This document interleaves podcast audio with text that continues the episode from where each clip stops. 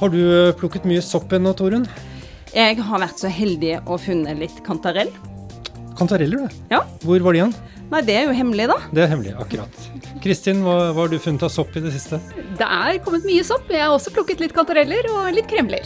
Kremler, hvordan ser de ut, egentlig? Ja, de har en hvit stilk, og så er det mange forskjellige farger på hatten. Nettopp. Så det er, eh, hvis du vet hvordan det er, så er den veldig fin. Nydelig. Jeg har funnet noen kantareller, men eh, for det første så hadde jeg ikke så veldig lyst til å plukke sopp akkurat da jeg så de, og så tenkte jeg at kanskje de sprer seg litt mer hvis jeg lar de eh, stå, bli stående i skogen.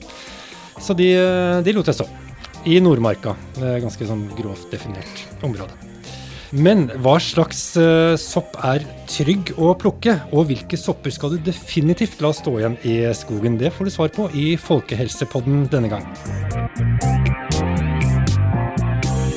Og her i studio står soppsakkyndig ved Giftinformasjon Kristin Oppdal Seljetun og kollega Torunn Gjerustad fra kommunikasjonsavdelingen, og jeg heter Kjetil Berg Veire. Og Kristin, aller først, hvor mange telefoner får dere egentlig i Giftinformasjonen i året om sopp? Det varierer fra soppsesong til soppsesong, men eh, rundt en ja, 1200 eh, får vi hvert år. Det er ganske mange. Det er det, men da er det jo alt fra folk som har eh, tatt på sopp, til eh, folk som har spist måltider og blitt ordentlig forgiftet. Ringer de til alle døgnets tider, eller er det noen eh, perioder som peker seg ut? Nei, vi er døgnåpne, så de ringer døgnet rundt. Men det er vel mest på ettermiddagen eh, og kvelden med de vanligste sopphenvendelsene. Og selvsagt eh, i helgene når det er soppsesong. Hva er det folk lurer på? Det kommer litt an på. Noen ganger så er det jo, hvis det er barn som er eksponert for dette, så er det jo at de har fått i seg en smakebit av, av soppen, og foreldre er bekymret. Eh, er det voksne, så kan de jo ha smakt på sopp som er rå ute i skogen, og eh, tenker om, spør om det er dette er giftig.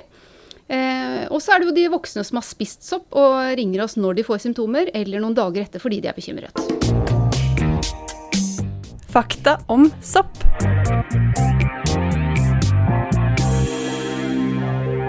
Ja, for eh, jeg er en veldig sånn fersk eh, soppeplukker. Jeg kan to sorter sjøl. Jeg kan da traktkantarell og kantarell. Og så har jeg veldig lyst å lære om flere sopper.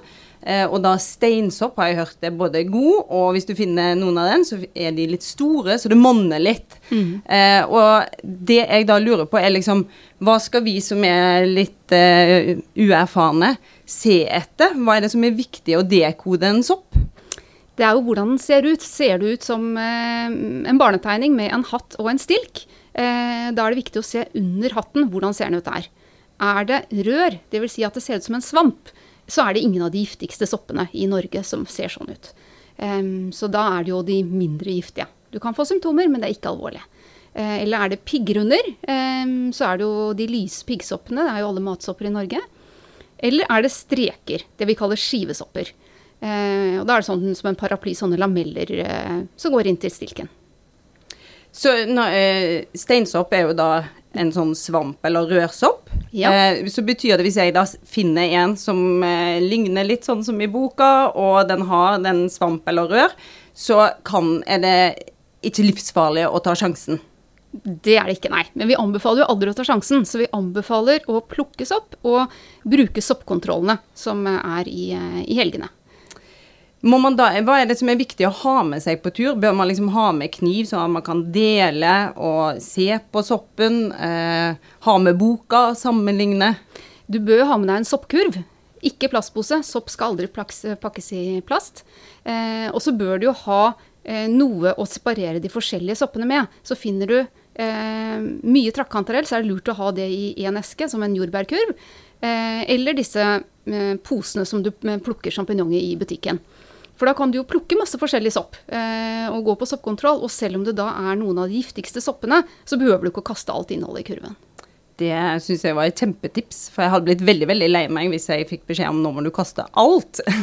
Så det er et tips jeg skal ta med meg. Det her med hvor soppen vokser hen eh, i skog, eh, og hvilken type skog, er det viktig kjennetegn å se etter?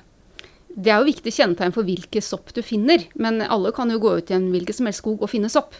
Eh, men det er jo noen eh, sopper, sånn som steinsopper, som kanskje vokser mer da i barskog enn i eh, der hvor det er mye bjørketrær, hvor du kanskje finner mer kantareller. Så hvilken sopp du finner er jo avhengig av hva slags trær som vokser rundt der. Er det sånn at soppen alltid dukker opp på samme sted til neste år? Soppen den kommer i samme, eh, samme område, begrenset lite område rundt treet. Eh, så det, den kan jo dukke opp i noen av de samme stedene. Og så har jeg hørt at eh, de, eh, hvis du finner en kantarell, da, så står den eh, sjelden alene. Eh, så da er det liksom om å gjøre å kikke litt rundt for å se resten av familien og kanskje ta med hele slektsstemmene, da. Det er veldig lurt. Med både kantarell og trakkantarell så vokser det mange sammen. Sånn i samme område rundt et tre. Så er det lurt å gå hele runden rundt og plukke alt under litt sånn en trær som er felt og sånne ting. Finner ofte mye kantareller. Og det som er sånn utrolig spennende, er jo nettopp den der jakten. At liksom Å, under der var det enda mer, og der var det mer. Sånn som den kantarellen kan jo virkelig gjemme seg, da. Under både liksom gress og Det kan, så det er veldig fint å ta med seg barn på sopptur. De eh, syns den skattejakten er morsom, og i tillegg så er de jo utrolig flinke til å finne disse soppene, for de har jo hodet sitt litt lenger ned enn oss. Og akkurat når det gjelder kantareller, så der har vi faktisk fått et spørsmål på Instagram også, fra Sykepleiepluss, eh, med spørsmålet 'Hvor og når finner jeg kantareller?', som vel egentlig er besvart ganske langt på vei allerede nå. Ja, det, du finner den jo Det er en sopp som kommer tidlig, så den kommer jo ofte i juli, og så er det jo utover i august. Og, og så kommer det jo mer trakkantarell. Eh, hvor du finner den, det er jo større hemmelighet enn staten har. Det er ingen som røper soppstedene sine. Men det er litt pussig med kantareller, fordi de jeg fant i helgen, de vokste jo bare rett midt på en sti. Eh, Så de, de er jo litt sånn vilkårlige hvor de dukker opp, eh, føler jeg. Ja, men de er jo ofte glad i der hvor folk ferdes, eh, så du kan ofte finne de i nærheten av stier. Mm. Du, Vi har fått et spørsmål til på Instagram fra Line Pettersen94. Er det farlig å ikke skrelle eller vaske sjampinjonger? Det er jo ikke farlig, men det er jo mye jord og bøss som er lurt å få vekk. Så om du børster det vekk eller vasker det, er jo lurt. Ehm, så slipper du å tygge på sand og sånne ting. Så det er jo lurt å fjerne det. Men du blir ikke syk av å få med jord fra en, eh, fra en sjampinjong? Det så vil ikke gi noe alvorlig forgiftning, nei. Er det noen tips om hvordan man skal plukke soppen? Altså skal man liksom alltid gå liksom langt ned på stilken, eller eh, ta en sånn jafs, eller hva? Det er alltid lurt å plukke soppen enkeltvis og få med deg hele stilken. Spesielt hvis du skal på soppkontroll. For mye av identifiseringen, spesielt av fluesoppene, er i bunn av eh, stilken. Så hvis du ikke får med deg den, så kan det være vanskelig for den soppkontrolløren å identifisere soppen. Og I tillegg så er det jo mange som plukker trakkantrell spesielt med å ta neve på neve. Eh, og det er jo fornuftig, fordi de vokser mye sammen. Men da er det lurt å åpne neven og kikke på det, og se om det har det bare trakkantrell jeg har fått med, eller kan det være noen andre giftige sopp. Så slipper du også da å kaste alt innholdet. Av og til er det full alarm, og du ser eh, sopper som du skal holde deg langt unna. eh, selv om mange av oss kanskje ikke vet de sånn i eh, hodet umiddelbart, Kristin. Men hva er de verste soppene som du kan komme utfor som er kjempegiftige? Vi har altså fem eh, alvorlig giftige sopper i Norge. Det er hvit fluesopp og grønn fluesopp. Eh, grønn fluesopp er ikke veldig vanlig i Norge, så det er hvit fluesopp først og fremst. Folk bør vite hvordan den ser ut. Og I tillegg så er det spissgiftslørsopp og butt-giftskjærsopp. De ser veldig like ut. Butt er ikke så vanlig heller. Eh, og så er det flatklokkat. Er det noe som kjennetegner sånn typiske giftige sopper? Nei, det er ikke det. De, eh, folk som har spist de, sier at de smakte godt. Så det er ikke sånn at du kan se på den eller lukte på den og tenke med en gang få en sånn Oi, selvsagt er den giftig. Det er ikke Du må bare kjenne til hvordan den ser ut og være sikker på det. Og, og, um, og så er det ulike måter de er giftige på, eller ulike deler av kroppen som de kan ramme, både nyre og lever eh, osv. Kan du forklare litt mer rundt det? Eh, hvit fluesopp og grønn fluesopp og flatklokkat de går først og fremst på leveren. Dvs. Si etter en 6-24 timer så får du mye magesymptomer. Og så kan det komme en periode hvor du føler at du er bedre. Og så kan du få alvorlig leverskade som utvikler seg i løpet av de neste to-tre dagene. Eh, men det er ikke bare litt løs mage. Da er det sånn vi kaller kolera-lignende diaré. At det er ordentlig. Du, du vet at du har diaré, for å si det sånn. Eh, spiss og butt giftskjærsopp, da får du nyreskade. Men det begynner også ofte med litt lette magesymptomer etter en 36 timer minst. Eh, til inntil seks dager etter inntaket, faktisk. Såpass mye som seks dager, faktisk. Ja, og så er det da magesymptomer, og så kan du få en periode hvor du føler deg bedre igjen. Og så blir det en gradvis utvikling av nyreskade fra en to-tre dager etter inntak.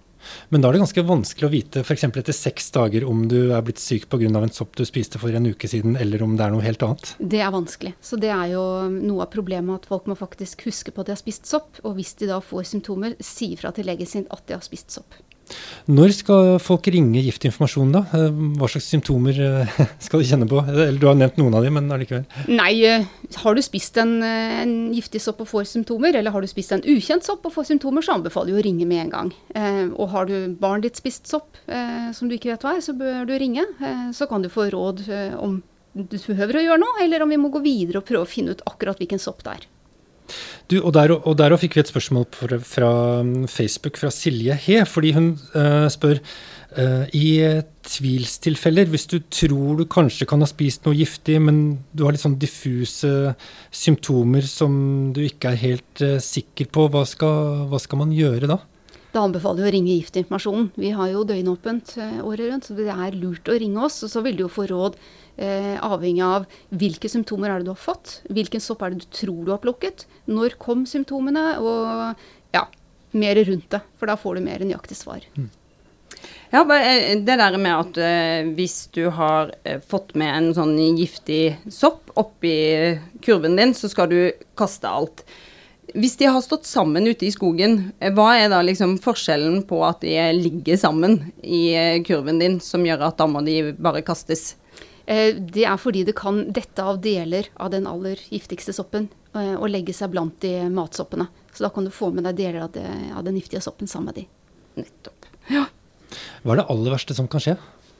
Eh, du kan jo få Av giftskjørsoppene så får du jo nyresvikt. Og da er det jo med nyretransplantasjon eller dialyse resten av livet. Med fluesoppene, hvit fluesopp og grønn fluesopp og flatklokkat, så kan du få leverskade. Eh, og da er det jo levertransplantasjon. Men det er jo dødsfall eh, av, eh, av, sopper. Mm. Alvorlige saker. Ja. Det var et spørsmål til fra Silje her på Facebook til oss. Og det var kan man analysere sopp fra oppkast? Altså hvis du kaster opp og har spist noe som kan være giftig sopp, bør du ta vare på oppkastet? Hvis du har kastet opp og mistenker at det kan være pga. en giftig sopp, så anbefaler vi å ringe Giftinformasjonen. Da vil jo vi gi råd om det er nødvendig å ta vare på oppkastet. Så generelt anbefaler vi ikke å ta vare på oppkastet eh, for alle. Men eh, det er eh, tilfeller hvor vi gir råd om det, fordi vi da trenger det for å kunne identifisere soppen. Hva er det viktigste folk bør passe på da, når de er ute og plukker sopp, for å unngå å få med seg giftig sopp i kurven? vi anbefaler jo at man skal kunne plukke mye sopp, men ha dem hver sin pose eller hver sin eske i kurven, og så gå på soppkontroll. Og, og, det er da soppkontroller som er ute i landet i regi av Norges sopp- og nyttevekstforbund? Det er det. Så da er det jo hver, hver, sin lokalforening har jo forskjellige kontroller rundt omkring, og da kan man jo få sjekket soppen sin, og det er gratis. Og da er du jo sikker på det du spiser. Og Der var det også et spørsmål på Facebook når det er soppkontroll i Fredrikstad. Men det kan du altså finne på nettsidene til Norges sopp- og nyttevekstforening, som, som jeg kikket inne på i stad. I Fredrikstad var det altså 25.8, klarte jeg å se på kalenderen der. Da begynner nok 25.8, og så er det helt sikkert hver søndag i soppsesongen. Nettopp. Og så bare lurer jeg litt på, for Da jeg har begynt å, å, lære litt, så sier folk eh, du må passe deg for den, som, den farlige tvillingen til den soppen jeg har da eh, tro, tror jeg begynner å få litt kontroll på. Eh, og så har jeg sett da bilder av den eh, farlige tvillingen, og så tenker jeg men disse er jo ikke like i det hele tatt. Altså hvor like er disse som man skal forveksle med, som det er farlig å spise? Ja, Av de giftigste så er det jo gif og trakkantarell um, som man sier er forveksling. Men de, de, er ikke veldig like, men de vokser samme sted.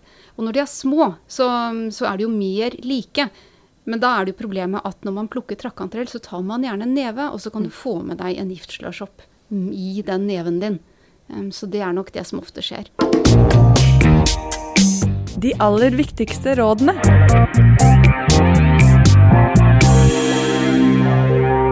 Det viktigste er at du er 100 sikker på den soppen du spiser. Eh, du kan plukke mye, men du må være veldig sikker før du spiser den.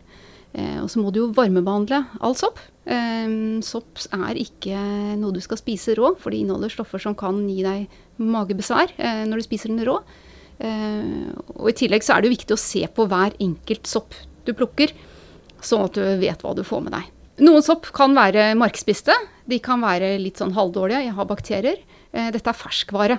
Så hvis du plukker sopp og lar den ligge på benken hjemme i tre dager, så kan du fort få litt diaré og oppkast av den. Det skal oppbevares i kjøleskapet og ikke i plast. Ja. Og ikke gå rundt og smake på soppen i skogen for å teste om den kan være giftig eller ikke. Det er ikke lurt. Fordi eh, skjønte jeg fra hva vi sier, at uh, den uh, giftig sopp smaker ikke nødvendigvis uh, bittert eller surt eller uh, Nei, den kan smake godt. Så da er oppfordringen bare å søke kunnskap, bli sikker på den kunnskapen, og gå ut og finne noe godt til middag. Ja.